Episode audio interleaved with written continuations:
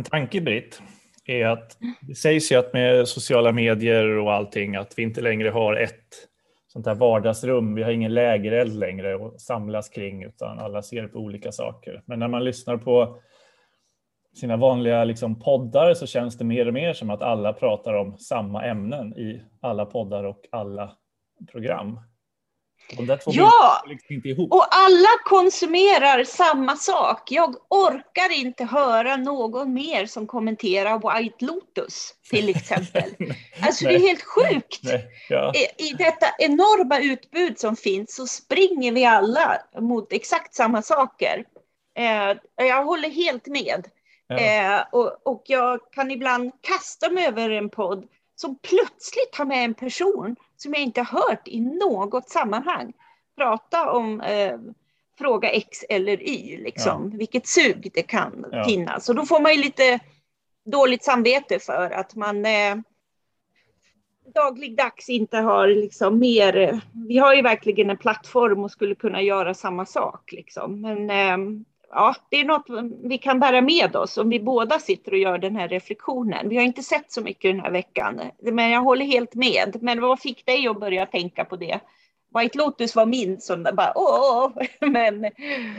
Jag har förstått att det är en, en serie av något slag.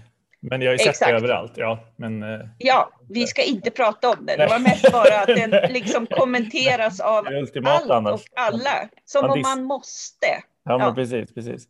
Nej, men jag har tänkt, alltså något som har vevats eh, eh, in och ut är ju liksom eh, Bergfeldts insamling till Svenska Afghanistan-kommittén som man tänker hade kunnat pratats om en dag, men det har ju pratats om i, känns som 14 dagar nu från eh, olika sätt. Men det som, det som saknas i den debatten kan jag känna är hur förhåller vi oss till eh, till hjälporganisationer generellt. Alltså strunt samma om man har insamling eller inte, men hur förhåller man sig som journalist till en hjälporganisation som är aktiv i ett konfliktområde som man också bevakar? Och där är det ju så att det är ju ofta en väg in att bädda in sig hos Röda Korset eller Rädda Barnen eller någonting, eller Läkare utan gränser för den delen, eh, som kan vara ett sätt att få tillträde till ett område. Men det är ju djupt eh, problematiskt, inte så mycket för att jag tror att, att journalistens perspektiv påverkas av det, men att, att i läsarnas på något sätt bild av de här konflikterna så är lösningen att samla in pengar till en organisation. Alltså det är så vi löser de globala problemen. Om det så är fattigdom eller hunger eller krig så är det liksom ja, men swish till en, en hjälporganisation. Och jag kan väl känna att, att politiken försvinner då i det. Ja, men lösningen kanske inte är eh, liksom nödmat i det här läget. Lösningen kanske är att de ansvariga ställs inför rätta. Eh, lösningen kanske är att krigsförbrytare grips. Eller lösningen kanske är att stötta en, eh, vad vet jag, militär intervention i, i, med FN-flagg. Det kan ju vara lösningen. Alltså det, det är eh, någonstans så eh, den, den problematiserandet som fanns mycket förr var det ändå väldigt kontroversiellt att så här, bädda in sig hos en hjälporganisation och såg som lite mm. ofint. Och idag är det, det är helt oproblematiskt och eh, nu även att då kunna samla pengar till en hjälporganisation. Mm. Ja. Men, man, men man, man fattar ju också direkt att det är en situation där man liksom vill, vill också hjälpa. Eh, och eh, liksom där hjälporganisationer ofta i det korta perspektivet ger ju mat, förnödenheter, en filt, liksom ett, mm, om, mm. om, ett omhändertagande som man desperat, även när man sitter här i Sverige, vill försöka hjälpa till med. Men det är precis de där perspektiven som jag också i de försvar sen som har gjort utav, jag tycker att Karinas en av hennes styrkor och, och så kan man väl, vill jag ändå i transparensens namn addera att jag känner henne lite grann eh, eh, och, och eh, kan ändå jag har ju tittat mycket på, jag tycker det är spännande att se hur hon tar dialogen i sociala medier. Så hon har ju velat ta dialogen om det här. Mm. Men där tycker jag också att i hennes svar har de här perspektiven precis missats i. Vad kan mm. vara att, att, och även när det sen blev att det här har fortsatt jagas och sen ska då eh, ansvariga på SVT tala om och så använder de ett, vad, vad var det för konstigt ord de använde, att hon var inte bortplockad men att hon var, att det fanns vissa frågor. Ja men det fanns ju ett, ett ja, ord fick på inte hur... Rapportera om, eh, hon får inte rapportera om Svenska Afghanistan-kommittén. Nej. nej, nej. Eh, men eh, eh, att, att det borde liksom konkretisera vad det handlar om. Alltså det, ja. det i, i, sin förlängning så... Ja, det, har, det har blivit en debatt om public service och public service-regler. Men ja, det är ju exakt. ganska ointressant för den är så självklar. Det är väl alltså ja. det är problematiskt tycker jag hur vi förhåller oss generellt på fältet till hjälporganisationer allihopa oavsett om man jobbar för public service eller inte. Att det är liksom vägen in eftersom det är den snabbaste och enklaste, eh, enklaste vägen. Eh, ja. I flykting, in i flyktingläger eller annat och vad, hur, hur det skapar vår bild av eh, ja, eh, vår bild av världen helt enkelt. Den här liksom, mm. ja, vi ska hjälpa eh, folk. Det, mm. Mm. Ja, det kanske är en, mm. en skälp eller ja, vad vet jag. Men sen eh, mm. såklart att finns det någon organisation som verkligen har det där goda renomméet så är det väl Svenska, Svenska Afghanistankommittén med just att de gör så mycket mer än bara filtar. Det handlar ju om ett decennielångt engagemang för utbildning och skolor och 6 000 lokalanställda och, och hela den biten. Eh, men man kanske skulle ja, men... in pengar till afghanska journalister istället. Alltså så, det hade kanske varit...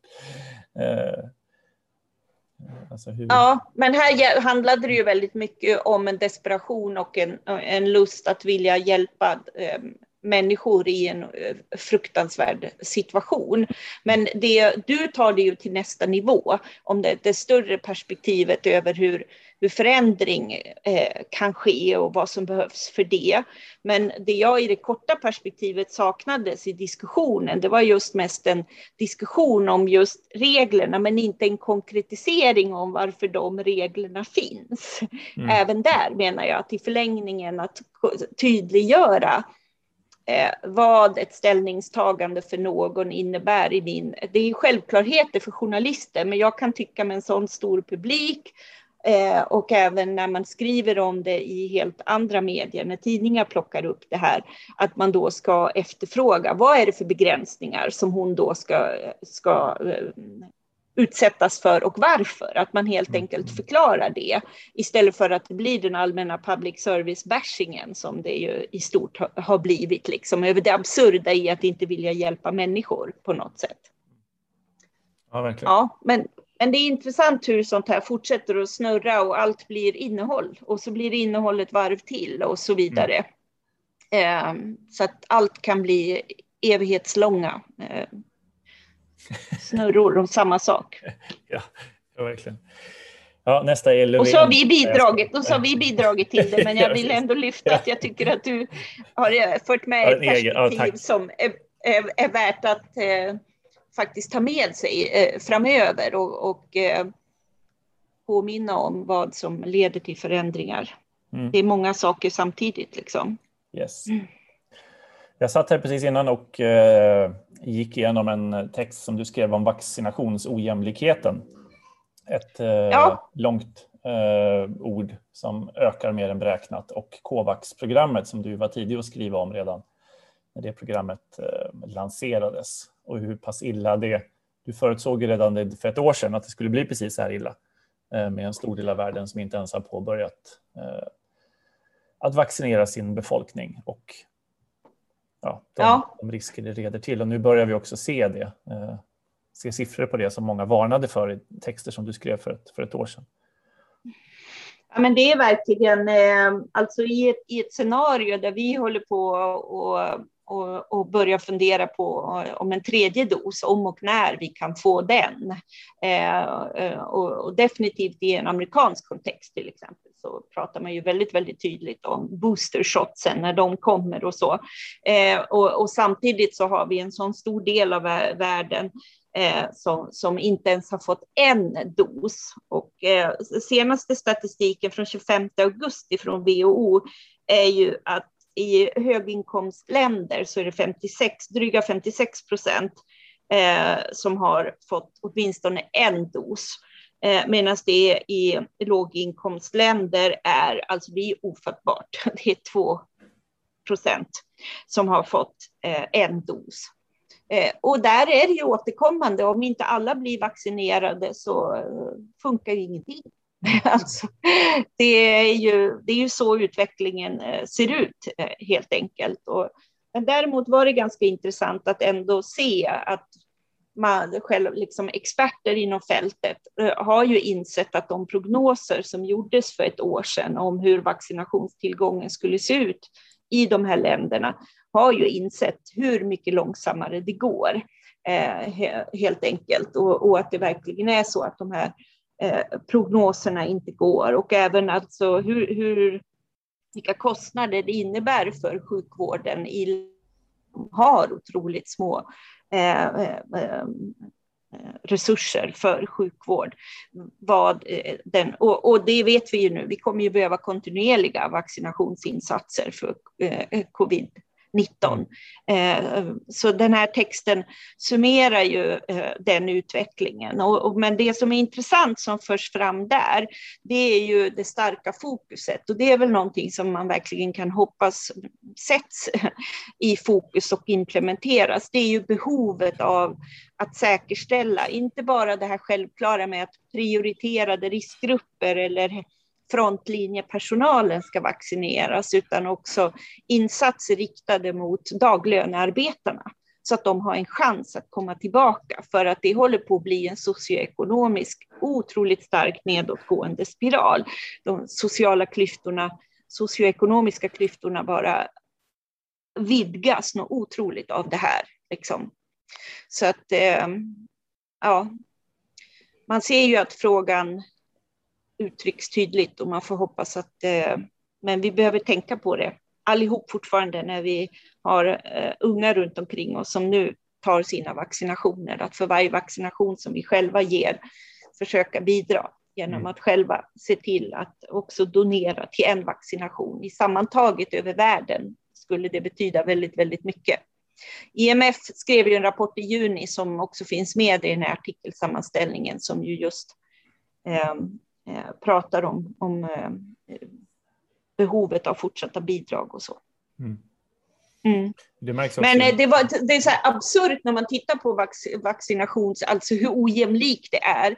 Och precis innan jag eh, skrev färdigt den artikeln så i mitt eget sociala medieflöde så var det eh, jag lyssnade på en aktuell podd som pratade om vatten eh, Ehm, eh, tillgången i Chile som ju är ett, ett jätteproblem och har varit så. Det är en väldigt privatiserad ehm, eh, vattenresurserna är ju privatägda eh, och det har ju varit ett jätteproblem, alltså bristen på, på tillgång till vatten på ett sätt som ju har varit horribelt i relation till covid, när man faktiskt inte ens har vatten eh, för att kunna tvätta händerna och så. Och så scrollar man lite vidare och så stöter jag på någon influencer i USA som har sådana problem med att hon eh, har så svårt att dricka vatten, tycker inte om att dricka vatten och då vill hon tipsa om en tablett som gör vattnet jättegott att dricka.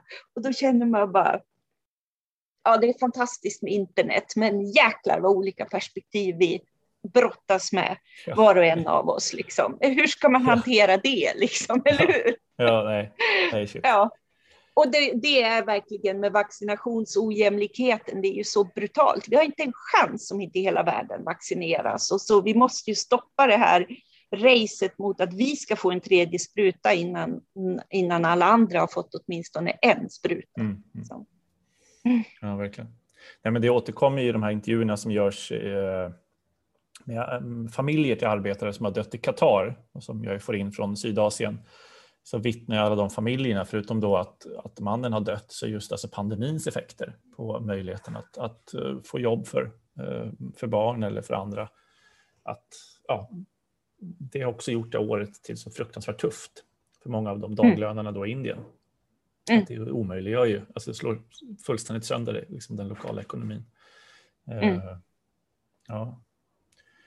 Nu såg jag att Indien hade vaccinerat 10 miljoner människor på en dag, var rekord häromdagen här, så att det börjar ju. Ja, ja och det behövs ju verkligen. Det är ju verkligen, ett av verkligen. de länderna som highlightas i sammanställningen över mm. problemområden. Eh, mm. Så. Mm. Ja. Eh, för, också just för att det är en, ännu en ekonomi där eh, mm. daglönearbetarna är en så stor del. Så. Ja, annars vad gäller just Qatar och den eh, granskningen som, som pågår så kom det en rapport från Amnesty som eh, konstaterar att myndigheterna i Qatar brister när det gäller att utreda dödsorsaken hos de tusentals migrantarbetare som avlidit de sista tio åren. Och eh, rapporten som heter In the prime of their lives så, så dokumenterar Amnesty hur Qatar rutinmässigt utför såna här dödsorsaksintyg där det bara står typ ja, eh, hjärtproblem eller naturlig orsak. Och Amnesty beskriver de här intygen som ja, totalt meningslösa. Och det gör ju också att familjerna inte kan få ut kompensation om det inte går att koppla till arbetet eh, på plats. Så att Amnesty har analyserat 18 dödsorsaksintyg i den här rapporten och djupintervjuat sex stycken familjer. Och det är verkligen ja, men en, en bild som framträder att unga friska män genomgår ganska rigorösa hälsokontroller innan man åker till Qatar. Och sen efter en lång tid av långa arbetsdagar i extrem hetta så eh, sker det eh, dödsfall. Men också på grund av bristande säkerhet. Och, eh, och att det finns också varningstecken hos de som har dött som om man hade tagit dem på allvar hade man kunnat, kunnat rädda liv helt enkelt. Eh, och, eh, ja, men det är en otroligt liksom, gedigen rapport av, av, eh, av Amnesty eh, där man också intervjuar familjerna på plats och får ju perspektivet som vi också får i våra intervjuer. Det här att alla drömmar försvann ju när, när mannen dog. Att eh, han var liksom hoppet om en bättre levnadsstandard. Eh, men nu har vi dels frånvaron av en inkomst men också ett lån att betala tillbaks och olika mellanhänder som har fått pengar för att man har fått de här jobben. Eh, och det här kommer ju vara en debatt ända fram till Qatar-VM 2022. Liksom, har Qatar förbättrats? Eh, har det skett positiva reformer? Det finns ny lagstiftning, det finns regler kring arbetsrätt, eh, men hur pass stark har implementeringen varit? Och ja, det är också något som vi kommer fortsätta att att följa såklart. Eh, mm. Linnea, och, ja. Har man inte lyssnat på förra veckans podd så vill jag ju passa på att lyssna på den för att där ger ju du ett smakprov på mm. den här typen av berättelser som vi kommer publicera. Det var ju lite sneak peek mm, till något som kommer publiceras ja. under hösten. Ja. Verkligen. Ja. Eh, och sen veckans rubrik som jag är nöjd med. Men, eh, Linnea Bergqvist skrev också en, en artikel om en FAQ kan man säga om Qatar.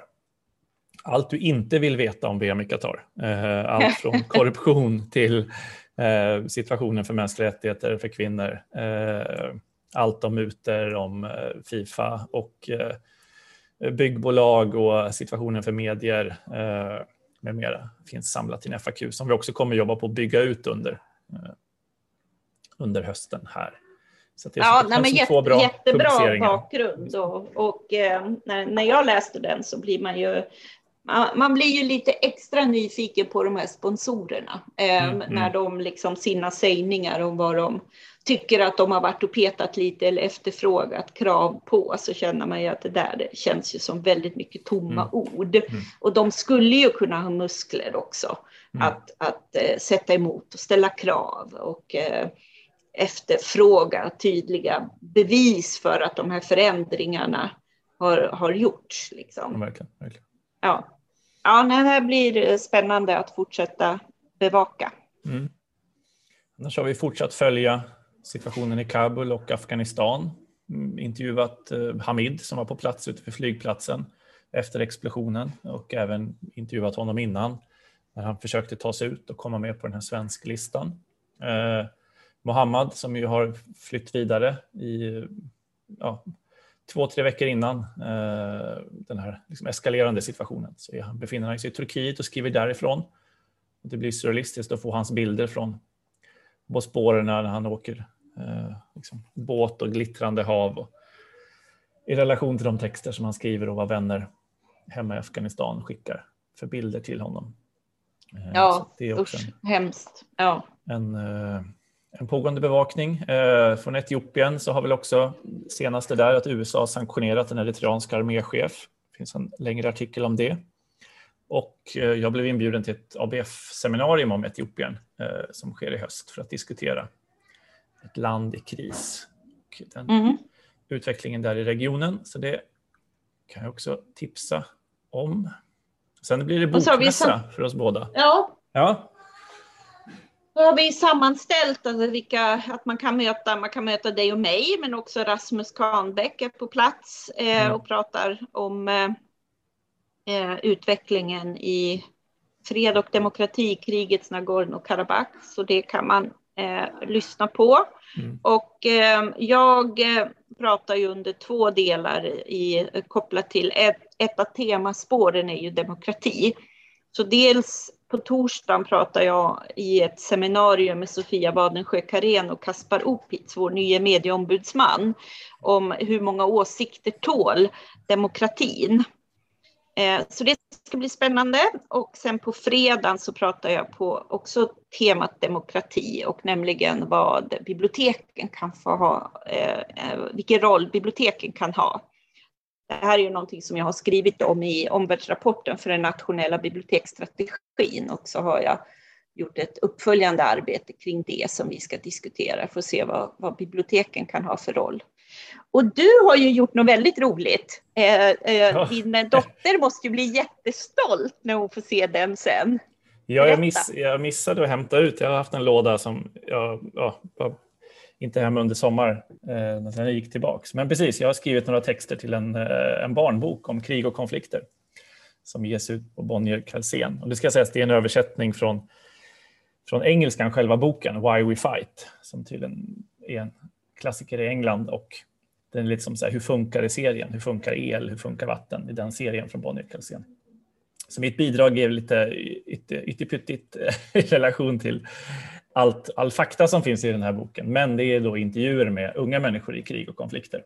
Ett, ett, ja, ja, personer från Filippinerna och Nepal och Afghanistan och eh, Eritrea.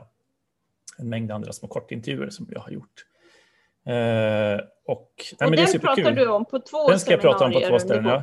ja. Jag sitter och läser de andra böcker. Prata med barn om klimatet är en bok som jag ska läsa och diskutera under det mötet. Uh, ja, nej, men en ny, uh, lite ny nisch. Det blir roligt att, ja. att, att rapportera för ja, med svåraste som finns egentligen, unga, unga människor om, om den här typen av ämnen. Det blir roliga seminarier. Sen lite mer något vanligt Mosambik och eh, lite sånt. Maktkonflikt och naturresurser ja, i södra ja, Afrika ser jag att rubriken är på det. Ja. Sen mm. antar jag att jag såg att det var en, ett seminarium som berör David i år. Eh, och ja, men där antar jag att det kommer dyka upp och hända saker när folk börjar inse att herregud, det är 20 år sedan. Och det sammanfaller ju nästan alltid ganska exakt med bokmässan. Ja, jag lyssnade på mm. presskonferensen och då highlightade de väldigt mycket det faktum att nästan exakt på sekunden när mm, bokmässan mm. drar igång mm. kommer det vara 20 år sedan. Så det skulle uppmärksammas på Eh, på något sätt. Eh, detaljerna missade jag lite, men de pratade, eh, mm, de pratade om det på presskonferensen, så mm, det kommer mm. nog synas i, i mer sammanhang tror jag väl på mm, plats. Det är en hybridmässa, så mycket är ju digitalt och man köper biljetter för att kunna kika på den och sen väl på plats så är det väl som, ja men det är väl väldigt coronaanpassat och säkert planerat i, ett, i en situation som är långt bort ifrån den vaccinationstäckning vi har i Sverige idag till exempel och så. Men det verkar vara ja, men lite isolerade arenor där det finns ett antal biljetter till och så. Men det, det är både och så att säga. Men eh, jag har tänkt att vara på plats. Ska du vara på plats? Ja, ja. Mm. ja det blir kul. Det blir väldigt kul. Och så Rasmus som sagt som gör mm. eh, pratar Nagorno-Karabach. Så att, eh, där möter man Blagspot på bokmässan helt enkelt. Mäktigt. Mm. Mäktigt. Ja, veckan som kommer då, har du några tankar? Som ligger framför oss? Eh, eh, nej, det bubblar en massa. Eh, I veckan kom ju den svenska versionen av eh, boken, den, eh, den heter den The Naked Truth, om Facebook i alla fall. Och den har jag ju läst i somras och förfärats av. Men det är ju mest en bekräftelse av allt det man redan eh, känner till om, om blank, eh, inte blankspot, Facebook. Eh, att eh, eh, hur allt det här, har man läst det som den här eh, tillsynskommittén har gjort i sin analys av händelserna som ledde upp till Trumps avstängning så är väldigt lite nytt i boken. Boken är ju dock skriven innan den processen eller parallellt på något sätt. Men för mig så var det väldigt lite som var nytt därmed. Men det som blir ännu tydligare i den här boken, det är ju den oerhört bekymmersamt reaktiva förhållningssätt som Facebook har. Att inte vara proaktiva, att inte förutse, att låta bara, igen tar ju Myanmar-händelserna en stor plats i den här boken och att liksom detaljerna kring vad som har sagts på enskilda möten, det är ju faktiskt helt vansinnigt. Liksom. Man har fått indikationer, man har efterfrågat hjälp och resurser, man har sett vad som händer, men man stänger inte kontot, man ser inte till att ha moderatorer som klarar alla språken i en ny region med en, med en skör eller en skör demokrati eller en auktoritär regim och med mycket angrepp på minoriteter. Så ja, man blir bara, man blir eh, lite för upprörd. Men kanske kan jag samla tankarna kring den boken. Men annars är väl det veckans lästips att faktiskt kika på. Eh, den har nu kommit på svenska som sagt. Mm. Ja, super. Du då? Har du något? Det blir ju att jobba vidare med Qatar eh, och fler Och vi ska få en ny praktikant. Precis, vi ska hälsa välkomna Emma Engqvist eh, som börjar ja. praktisera hos oss imorgon. Mm. Så henne får ni höra och läsa under hösten framöver. Här. Ja. ja. ja. Kul! Nu ska jag gå och ta hand om barn som gnäller i bakgrunden. Ni har hört det. Återstår det. Eh, jag, jag, jag överlåter ljudhanteringen ja, av podden till dig. Ja. Eh, så, eh, och ni som lyssnar och inte redan prenumererar, gör gärna det så vi kan fortsätta göra journalistik och bevaka Sveriges och världens vita fläckar. Ja, med det önskar vi en bra start på måndagen. Exakt. Tack och hej. Ja, tack och hej.